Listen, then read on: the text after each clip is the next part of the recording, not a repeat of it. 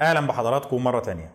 في الفيديو اللي فات إحنا اتعرفنا مع بعض على أسباب رغبة أوروبا في الاستكشافات البحرية وشفنا إزاي البرتغال كان لها السبق في ده وشفنا برضو إزاي أسبانيا حاولت إن هي تنافس البرتغال في مجال الاستكشافات البحرية. النهارده إن شاء الله هنكمل كلامنا علشان نتعرف على الصراع ما بين أسبانيا والبرتغال على سيادة بحار العالم. خليكم معانا. كريستوفر كولومبوس بيتحرك من الأراضي الأسبانية يوم 3 أغسطس سنة 1492 على رأس قافلة مكونة من ثلاث سفن. القافلة دي بتبحر في البداية في اتجاه جزر الكناري اللي كانت خاضعة للسيادة الأسبانية في الوقت ده واللي كانت تعتبر مركز إمداد وتموين متقدم. دي آخر محطة معروفة للقوات الأسبانية واللي منها المفترض أن الحملة دي هتكمل الإبحار في اتجاه الغرب. وبالفعل بعد توقف قصير في جزر الكناري الحملة بتستكمل الإبحار غربا وعلى رأسها كريستوفر كولومبوس. بعد شهرين تقريبا من الإبحار الحملة دي بتوصل أخيرا للأرض. يوم 12 أكتوبر سنة 1492 كريستوفر كولومبوس والحملة بتاعته بيصلوا أخيرا إلى جزيرة من جزر الكاريبي. كولومبوس أول ما بينزل في الجزيرة دي بيلاحظ إن بشرة أغلب السكان سمراء. وده بيديله انطباع إن هو خلاص بالفعل وصل للهند. أي منطقة في الهند مش عارفين. بكل تأكيد ده مش البر الرئيسي لشبه القارة الهندية وإنما على الأغلب مجموعة من الجزر التابعة للهند. اللي بيرسخ الاعتقاد ده عند كولومبوس بيكون نظريته الخاصة بأنه الدوران حول الأرض في اتجاه الغرب هيوصلنا للهند وبيكون لون البشرة بتاعة السكان. خلاص إحنا دورنا بالفعل حوالين الأرض ووصلنا لمنطقة قريبة من شبه القارة الهندية. أي منطقة بالظبط هو مش عارف لأنه في النهاية معلومات الأوروبيين عن الهند كانت محدودة جدا بسبب احتكار التجار العرب للتعامل معاهم. وعلشان كده هو ما كانش متخيل إحنا فين بالظبط في الهند. بس مش مشكلة المهم إن إحنا وصلنا الأرض. وبمجرد وصوله كولومبوس بينزل من السفن بتاعته ومعاه رجاله علشان يعلن سيادة ملك أسبانيا أو ملكة قشتالة على المناطق دي. خلاص إحنا أخيرا وصلنا للمناطق اللي إحنا كنا بنسعى للوصول إليها ودلوقتي جاء الوقت اللي هيتطبق فيه الاتفاق بتاعي مع ملكة قشتالة الأرض دي هتكون تابعة للتاج القشتالي وأنا هكون نائب ملكة قشتالة على الأراضي دي. وهيكون لي 10% من أرباح أي تجارة معاها. ولكن أرباح تجارة إيه؟ كولومبوس هنا بيبدأ يلاحظ إنه السكان مش أغنياء قوي. يعني إحنا نسمع عن الهند دي إنها ممالك غنية وثرية وفيها ذهب وفيها توابل وبضائع كتير. ولكن مش ده الوضع اللي كولومبوس بيشوفه. لا الحالة هنا مش بالشكل اللي هو كان متصوره. ولكن مش مشكلة. هنا كولومبوس بيبدأ يفترض إن إحنا وصلنا لمجموعة من الجزر الفقيرة. لكن أكيد لما هنكمل استكشاف هنلاقي بقى المناطق الغنية اللي إحنا بنسمع عنها دي. وعلشان كده بعد توقف قصير من أجل الإمداد والتموين بيبدأ يكمل تحركاته مرة تانية للمزيد من الاستكشافات. ويوم 28 أكتوبر سنة 1492 بيوصل لجزيرة كوبا. وهنا بيبدأ يلاحظ إنه الوضع أفضل شوية. جزيرة أكبر واضح إن السكان بتوعها في حالة اقتصادية أفضل. يعني كده بدأنا نلاقي بداية الطريق للمناطق الغنية اللي إحنا بنسمع عنها. كولومبوس بيكمل استكشافات في المنطقة لحد ما بيوصل لجزيرة قريبة جدا يوم 5 ديسمبر. الجزيرة دي اللي هي هتسمى بجزيرة هيسبانيولا. أول كولومبوس ما بينزل على الجزيرة دي بيشوف إن هي موضع مناسب لإقامة مستعمرة وبيعلن بالفعل تكوين مستعمرة اسمها لا نافيداد. المستعمرة دي بتكون أول مستعمرة تابعة للأوروبيين في العالم الجديد. عموما في المرحلة دي كولومبوس بتجنح واحدة من السفن بتوعه اسمها سانتا ماريا. سانتا ماريا كانت أكبر واحدة في السفن بتاعة كريستوفر كولومبوس. بيحصل لها جنوح على الشاطئ وكولومبوس بيلاقي إنه من المستحيل إصلاح السفينة دي. ما عندوش الأدوات ولا الوقت الكافي إن هو يصلحها. وعلشان كده بيقرر التخلي عن السفينة دي وتوزيع رجاله على السفينتين المتبقيين معاه. هنا كولومبوس بيقرر إن هو خلاص جاء الوقت المناسب اللي نرجع فيه لأسبانيا. إحنا خلاص قدرنا نلاقي جزر في اتجاه الغرب قدرنا نثبت إنه بالفعل الطريق ده نقدر نلاقي فيه اكتشافات كتيرة جدا وقدرنا كمان نكون أول مستعمرة تابعة لأسبانيا أو تابعة لقشتالة في المنطقة دي. دي إنجازات كويسة جدا في المرحلة دي مش لازم نضيعها. يعني دلوقتي في سفينة من السفن بتاعه كولومبوس خلاص جنحت واتدمرت. مش لازم نستنى لما السفينتين التانيين كمان يتعرضوا لمشاكل علشان نلاقي نفسنا مش قادرين نرجع مرة تانية لأوروبا ويبقى سر الاكتشافات بتاعتنا دي راح. وبالفعل في شهر يناير سنة 1493 بيتحرك كريستوفر كولومبوس بالسفينتين المتبقيين معاه علشان يرجع مرة تانية لأسبانيا.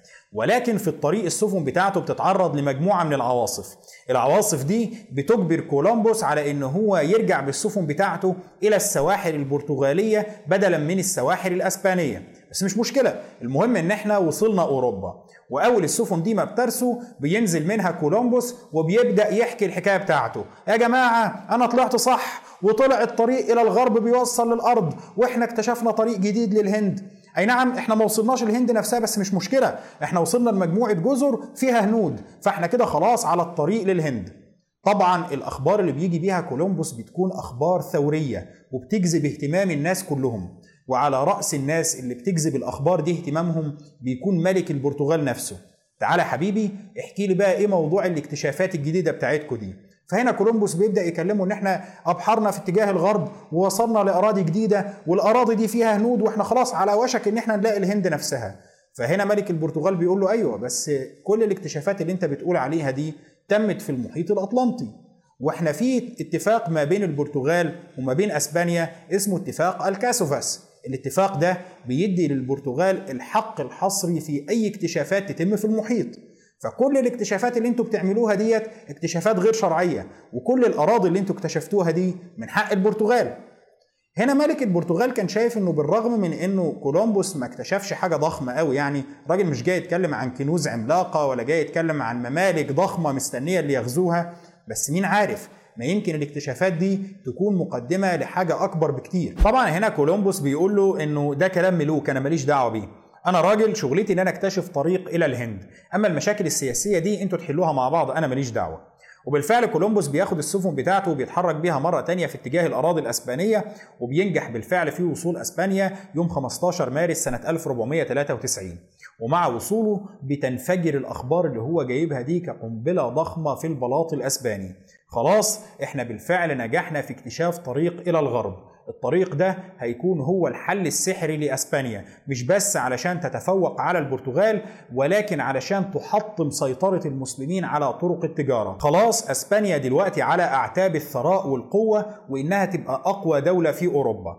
وعلشان كده بيتم إصدار الأوامر بتجهيز حملة أضخم بكتير من الحملة الأولى. لا لا ثلاث سفن إيه بقى؟ أنتوا تجهزوا لنا 1500 رجل على متن 17 سفينة. إحنا عايزين نكتشف أكبر قدر ممكن من الأراضي في أقل وقت. وبالفعل الأوامر بتصدر وبيتم تجهيز الحملة دي. تجهيز الحملة دي بياخد حوالي ست شهور وفي شهر سبتمبر سنة 1493 بتتحرك الحملة الجديدة بقيادة كريستوفر كولومبوس علشان تكمل استكشافات في نفس المناطق اللي هو وصل لها.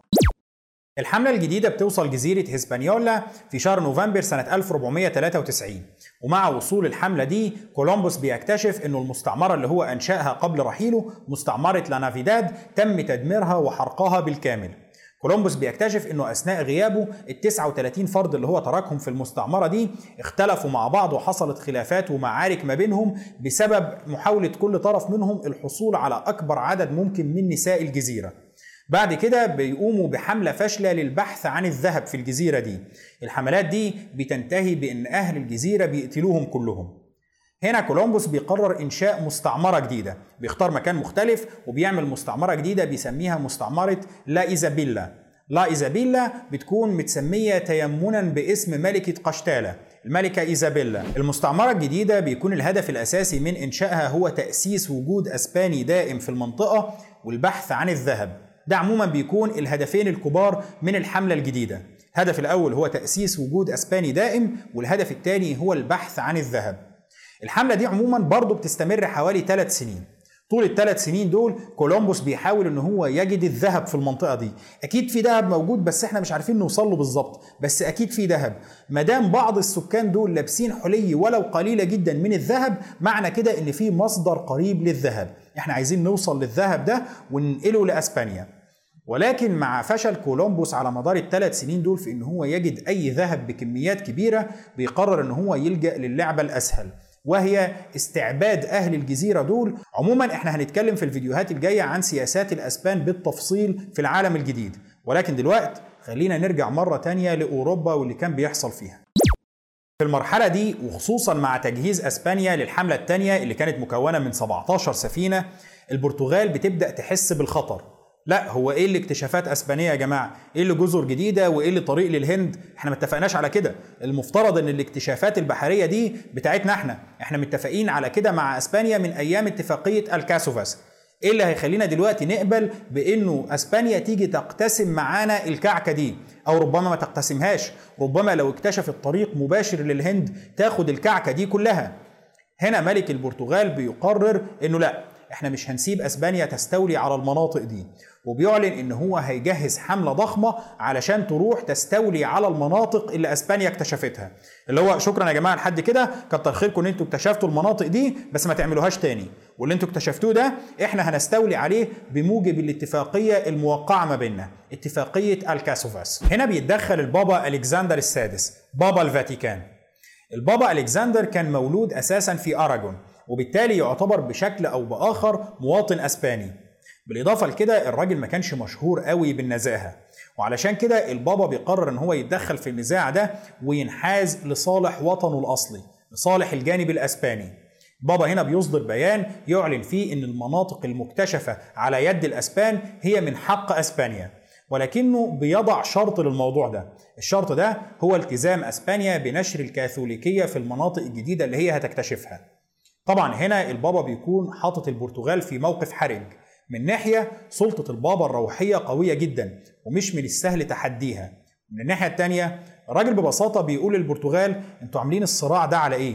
المفترض إن أنتوا كلكم ملوك كاثوليك والمفترض إن أنتوا الالتزام الأساسي بتاعكم والهدف الأساسي من الاكتشافات والتوسعات دي هو نشر الكاثوليكية. طيب ما دام أسبانيا عايزة تساعد في نشر الكاثوليكية ليه نحاربها؟ لا. المناطق دي من حق إسبانيا ما دامت ستلتزم بنشر الكاثوليكية. إنما بقى صراع تجاري ومشاكل تجارية المفترض إن إحنا نترفع عن الحاجات البسيطة دي ونركز على الهدف الأسمى وهو نشر الكاثوليكية. طبعا هنا ملك البرتغال اللي ما كانش عاجبه الوضع ده بيقول لأ طيب نتفاهم. ما ينفعش نسيب الموضوع مفتوح كده بحيث إنه اللي يكتشف منطقة الأول تبقى بتاعته ويكمل هناك. كده هيحصل تضارب أكيد في المصالح. خلينا نقعد مع بعض ونتفق على تنظيم للوضع ده. والأسبان بيوافقوا على فكرة الجلوس للتفاوض. طبعا الدولتين بيكونوا داخلين المفاوضات دي وكل دولة عندها هدف. الأسبان كان عندهم هدف وهو الاحتفاظ بالاكتشافات الجديدة بتاعتهم والحق في المزيد من الاكتشافات. بينما البرتغاليين بيكونوا داخلين بهدف الاحتفاظ بالاكتشافات القديمة بتاعتهم اللي هي السواحل الأفريقية والطريق الشرقي المحتمل إلى الهند ومعاها جزء من الاكتشافات الجديدة بتاعة الأسبان. ما دام الأسبان لقوا حاجة في المنطقة دي إحنا عايزين حتة. عموما الدولتين بيجلسوا مع بعض للتفاوض وفي بداية المفاوضات دي الأسبان بيكون عندهم اقتراح كويس. الأسبان بيقولوا إنه أبعد نقطة اكتشفتها البرتغال في اتجاه الغرب هي جزر الرأس الأخضر. بينما الأسبان اكتشفوا نقطة جديدة اللي هي جزر الكاريبي. المفاوضين الأسبان هنا بيقولوا خلاص إحنا نيجي ما بين جزر الرأس الأخضر وما بين جزر الكاريبي ونرسم خط في الوسط. وبكده كل ما هو شرق هذا الخط يكون تابع للبرتغال. البرتغال هتحتفظ بكل الاكتشافات القديمة بتاعتها على السواحل الأفريقية وهنديلها كمان نص المسافة ما بين الجزر الرأس الأخضر وما بين جزر الكاريبي. نص المسافة دي هيكون من حق البرتغال إن هي تحصل على أي اكتشافات فيها. بينما من الخط ده وحتى جزر الكاريبي وما غربه هيكون من حق أسبانيا. أي حاجة نلاقيها في المناطق دي تبقى بتاعه أسبانيا والبرتغال ملهاش دعوة بيها. طبعا ده في حد ذاته كان يعتبر انتصار كبير للبرتغال لأنه شرق الخط ده كان كل السواحل الأفريقية والطريق المحتمل إلى الهند. بينما غربه ما كانش فيه غير شوية جزر صغيرة اكتشفهم كولومبوس. وبالتالي أسبانيا هنا كانت بتشتري سمك في مية. يا عالم ممكن يلاقوا هناك حاجة؟ ممكن ما يلاقوش. لكن البرتغال كان عندها اكتشافات وانتصار مضمون. ولكن بالرغم من كده الاقتراح ده ما بيكونش على هوى البرتغاليين. هم بيوافقوا عليه من حيث المبدأ ولكن مع بعض التعديلات. بيقولوا لهم طيب إحنا موافقين على فكرة إن إحنا نقسم البلد نصين ولكن مش هيبقوا نصين قوي. إحنا هنزيح الخط ده في اتجاه الغرب شوية. هنزيحه شوية في اتجاه جزر الكاريبي بحيث إنه مع الخط الجديد ده البرتغال هتكون ضمنت إنه الأسبان بعيدين تماما عن السواحل الأفريقية. الجانب الشرقي بقى بتاعنا بشكل خالص ومفيش أي نزاع محتمل عليه من أسبانيا. ومن ناحية تانية يكونوا ضمنوا لنفسهم جزء أكبر من المنطقة الجديدة. ما إحنا لو اكتشفنا هناك حاجة خلينا نحاول ناخد منها أكبر قدر ممكن. في النهاية الطرفين بيوافقوا على الترتيب ده وبيتم توقيع اتفاق ما بين الدولتين اسمه اتفاق تورديسياس الاتفاق ده بيتم توقيعه يوم 7 يونيو سنة 1494 طبعا الدولتين بيخرجوا من الاتفاق ده كل دولة منهم حاسة إن هي منتصرة ولكن إحساس الانتصار بيكون أكبر بكتير عند البرتغال. بالمناسبة الخط اللي بيتم رسمه في اتفاق تورديسياس بيمر بشرق قارة أمريكا الجنوبية. طبعا هم ما بيكونوش عارفين ده وقتها ولكن فيما بعد لما بيتم توسيع نطاق الاكتشافات دي وبيتم اكتشاف قارة أمريكا الجنوبية بالكامل وبيكتشفوا أن الخط ده بيمر بشرق قارة أمريكا الجنوبية ده بيكون السبب في أنه البرازيل بتكون من نصيب البرتغال بينما باقي قارة أمريكا الجنوبية بتكون من نصيب أسبانيا. هنا مع استقرار الوضع ما بين الدولتين دول وإن كل دولة منهم بقت عارفة حدود النفوذ بتاعها البرتغال بتقرر إن هي تواصل حملاتها لاستكشاف السواحل الأفريقية واستكشاف طريق إلى الهند. البرتغاليين بيقولوا إحنا كنا وصلنا إلى جنوب القارة الأفريقية لرأس الرجاء الصالح. ده الوقت اللي نكمل فيه الحملات بتاعتنا علشان ندور حول القارة الأفريقية ونستكشف الجانب الشرقي ليها وبالتالي نقدر نوصل منها إلى الهند. وبالفعل بيتم تجهيز حملة ضخمة سنة 1497 الحملة دي بتوصل إلى رأس الرجاء الصالح وبعد كده بتعبره وصولا إلى السواحل الشرقية لأفريقيا. السواحل دي اللي كانت مجهولة تماما بالنسبة للأوروبيين واللي كان البرتغاليين لازم يستكشفوها علشان يقدروا يوصلوا منها إلى الهند. الحملة البرتغالية بتكون بقيادة فاسكو دي جاما. الحملة دي بتتحرك بامتداد السواحل الشرقية لأفريقيا لحد ما بتوصل لسواحل موزمبيق وسواحل كينيا. طبعا طوال الطريق بتاع الحملة دي دي جاما ما بيتورعش عن إن هو يتصرف كقرصان اللي هو إيه ده؟ في سفن تجارية خلينا ننهبها ونجري.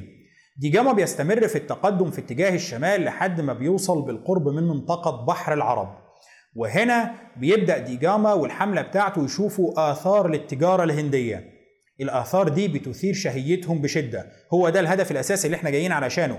إحنا كده قربنا من الهند جدا وبقينا على مرمى حجر من الوصول للهدف الأساسي بتاعنا. هنا بيكون التفكير الأساسي هو محاولة الاتجاه إلى الشرق. إحنا لو أبحرنا بالسفن دي إلى الشرق المفترض من الناحية النظرية إن إحنا نوصل للهند. ولكن الموضوع ما كانش بالبساطة اللي يبدو عليها دي.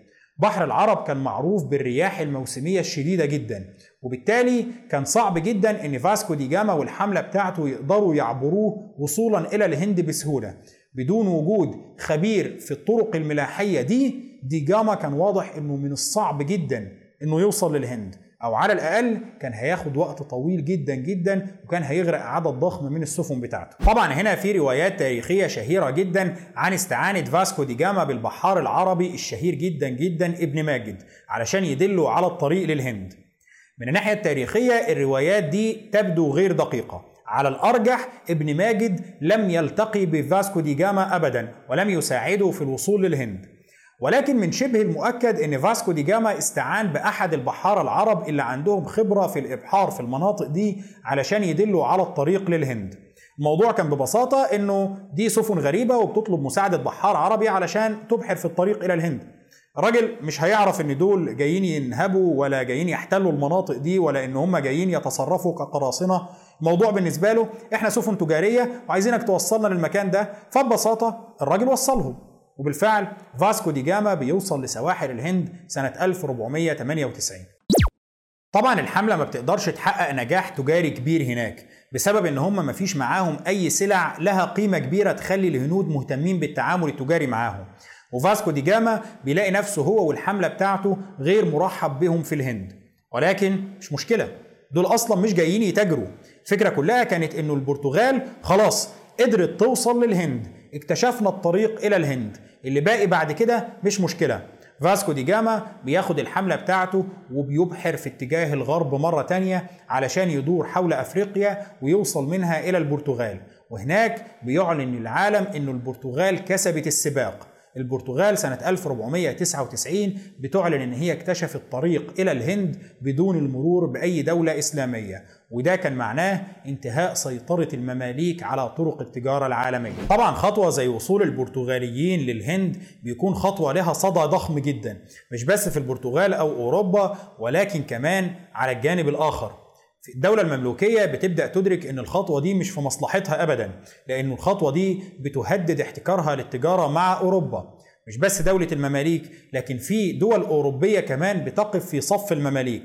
الدول دي اللي هي الدويلات التجارية الإيطالية واللي كانت بتتاجر ما بين المماليك وما بين أوروبا. هم اللي كانوا بيحتكروا التجارة دي. وصول البرتغال إلى الهند بشكل مباشر كان معناه القضاء على تجارة الدويلات دي.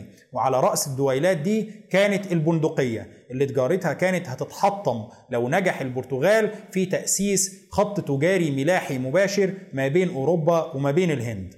بالإضافة لكده تصرفات البرتغاليين في المناطق دي كانت أقرب للقرصنة منها لتصرفات الخطوط الملاحية التجارية. لأنه ببساطة البرتغال ما كانش هدفها الوحيد هو إنشاء خط تجاري مع الهند لا كان عندها هدف تاني وهو تحطيم الخط التجاري القائم أصلا بين الهند وبين الدولة المملوكية. لأنه في النهاية لو استمرت التجارة المملوكية تعبر بحر العرب بأمان يبقى مفيش مبرر يخلي الهنود يتاجروا مع البرتغاليين. لكن اللي البرتغال كانت بتحاول تعمله إن هي تهدد أمن التجارة ما بين الدولة المملوكية وما بين الهند. علشان هنا ما يكونش فيه إلا طريق واحد ما بين أوروبا وما بين الهند للتجارة. الطريق ده اللي بيمر عبر البرتغال.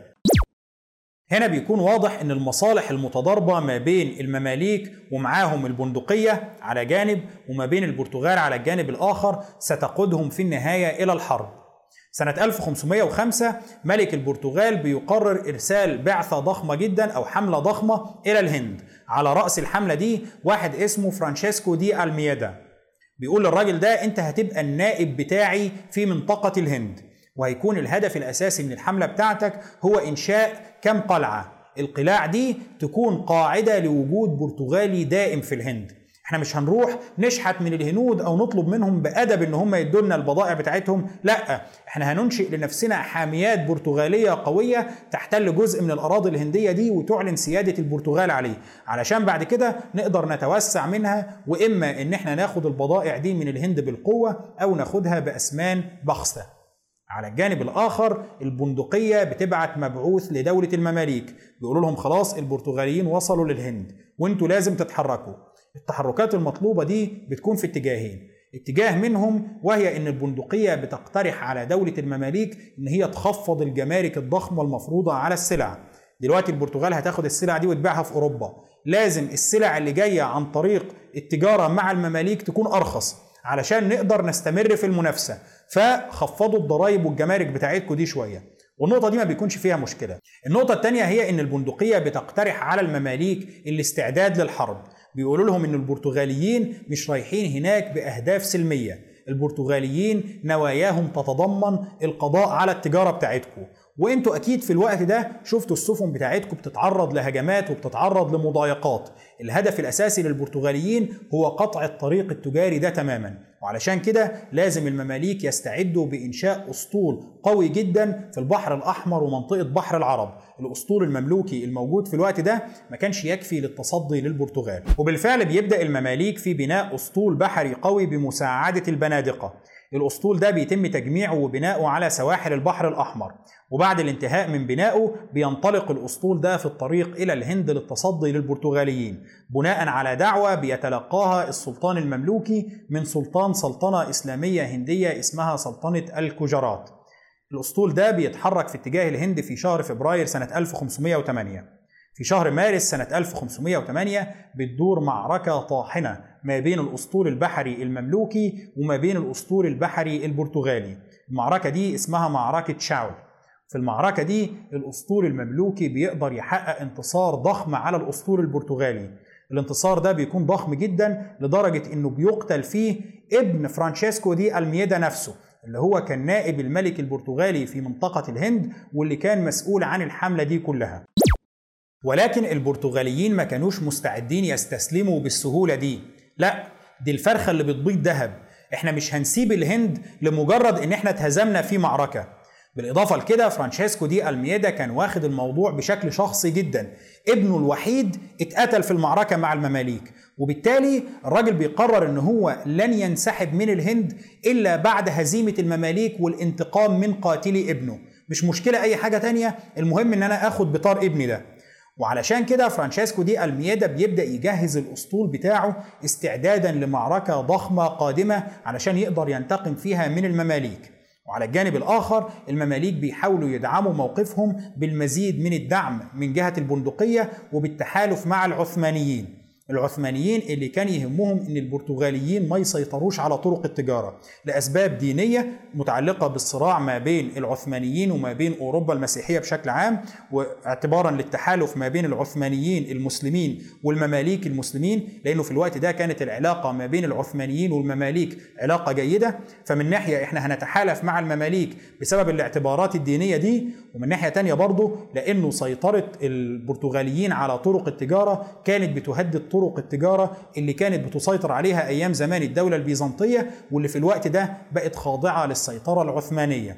هنا العثمانيين كان من مصلحتهم إن تستمر طرق التجارة المعروفة في إن هي تغذي أوروبا بالبضائع، طرق التجارة دي اللي كانت بتمر عن طريق الدولة المملوكية أو عن طريق الممرات المائية الخاضعة للدولة العثمانية. وبعد سنة من معركة شاول في شهر فبراير سنة 1500 بتدور معركة جديدة ما بين الفريقين. المعركة دي المعروفة باسم معركة ديو. في معركة ديو البحرية الأطراف المتصارعة بتكون مملكة البرتغال من طرف وعلى الجانب الآخر الدولة المملوكية مدعومة بقوات من الدولة العثمانية وقوات من سلطنة الكجرات الإسلامية مع بعض الدعم من البندقية. المعركة اللي بتدور ما بين الفريقين المرة دي بتكون معركة فاصلة. وبالرغم من محاولة المماليك الاستعداد جيدا للمعركة دي إلا إنه بتحصل خلافات ما بين القادة بتاعتهم. الخلافات دي بتضعف الجانب المملوكي جدا. على الجانب الآخر فرانشيسكو دي الميدا بيكون مجهز القوات بتاعته بشكل ممتاز وبيكون متقدم للمعركة دي بهدف ضخم جدا وهو الانتقام. بينجح فرانشيسكو دي الميدا في تحقيق الهدف بتاعه والانتقام لابنه وبتنتصر البرتغال في معركة ديو البحرية. بالرغم من الفظائع اللي بيرتكبها فرانشيسكو دي ألميدا بعد نهاية المعركة دي إلا إن ده ما بيكونش النتيجة الأبرز اللي ترتبت على المعركة. النتيجة الأبرز اللي ترتبت على معركة ديول بحرية هي فتح الطريق مش بس لسيطرة البرتغال على طرق التجارة العالمية بعد كده ولكن كمان فتح الطريق للاستعمار الأوروبي لآسيا لمدة 400 سنة بعدها. معركة ديول بحرية وهزيمة المماليك فيها بتكون واحدة من الأحداث الفاصلة في تاريخ العالم واللي غيرت وجه العالم لمدة 400 سنة بعدها. بالمناسبة بعد أقل من عشر سنين بس على هزيمة المماليك في معركة ديول بحرية بتنهار الدولة المملوكية تماما. وبيكون عامل أساسي في العوامل اللي أدت لانهيار الدولة المملوكية هي انهيار سيطرتها على طرق التجارة. عموما خلينا نسيب البرتغال والمسرح الدائر في آسيا ونرجع مرة تانية إلى كولومبوس. كولومبوس بيقوم بحملتين جداد إلى المناطق اللي هو اكتشفها. حملة منهم بتحصل في الفترة من 1498 لحد 1500 والحملة الثانية بتحصل في الفترة من 1502 ل 1504 طوال الفترات دي كولومبوس بيتوسع في المزيد من الاكتشافات وبيوصل للمناطق المعروفة النهاردة باسم ترينداد ومنطقة هندوراس.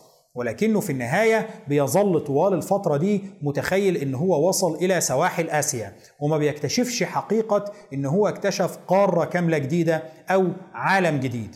ولكن عموما في المرحلة دي بيبدأ نفوذ كولومبوس يضعف في البلاط الأسباني. من ناحية بسبب ظهور العديد من المنافسين. ناس كتير بيبدأوا يشوفوا إنه المكانة اللي واخدها كولومبوس دي مكانة كبيرة جدا خاصة إنه أجنبي وإن الاكتشافات دي ممكن غيره يقوم بيها. من ناحية تانية بسبب انتشار الأخبار عن سوء معاملة كريستوفر كولومبوس للسكان الأصليين واستعباده الممنهج ليهم. إحنا هنتكلم عن موضوع معاملة كولومبوس للسكان الأصليين بشيء من التفصيل في الفيديوهات الجاية. ولكن محصلة اللي حصل لكولومبوس بسبب الأخبار عن سوء معاملته ليهم وبسبب كونه أجنبي وظهور المنافسين ليه هي تراجع نفوذه في البلاط الأسباني. مع تراجع نفوذ كولومبوس في البلاط الأسباني البلاط بيقرر أخيرا إرسال مسؤولين جدد علشان يكونوا مسؤولين عن المستعمرات والمناطق اللي تم اكتشافها حديثا.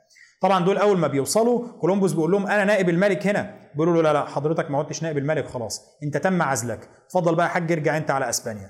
طيب خلاص سيبكم من نائب الملك. أنا ليا 10% من أرباح أي تجارة مع المناطق دي بموجب اتفاق سانتا في بيقولوا له لا مالكش أي أرباح. يا جماعة ده اتفاق ما بيني وما بين البلاط. بيقولوا له لا برضه مش هتاخد حاجة. كولومبوس بيرجع لأسبانيا وهناك بيعيش منبوذ لباقي حياته. بيموت كريستوفر كولومبوس يوم 20 مايو سنة 1506 وحتى بعد وفاته أسرته بتخوض معارك قضائية ضخمة جدا ضد البلاط الأسباني في محاولة منهم للحصول على أرباح التجارة بتاعته ولكن في أغلب الأوقات المعارك القضائية دي ما بتوصلش لشيء. هنقف لحد هنا النهارده إن شاء الله والأسبوع الجاي هنكمل كلامنا علشان نتعرف على موقف باقي القوى الأوروبية من تقسيم العالم ما بين أسبانيا والبرتغال. كان فين الدول التانية دي؟ شكرا لحضراتكم وإن شاء الله نكمل كلامنا الأسبوع اللي جاي.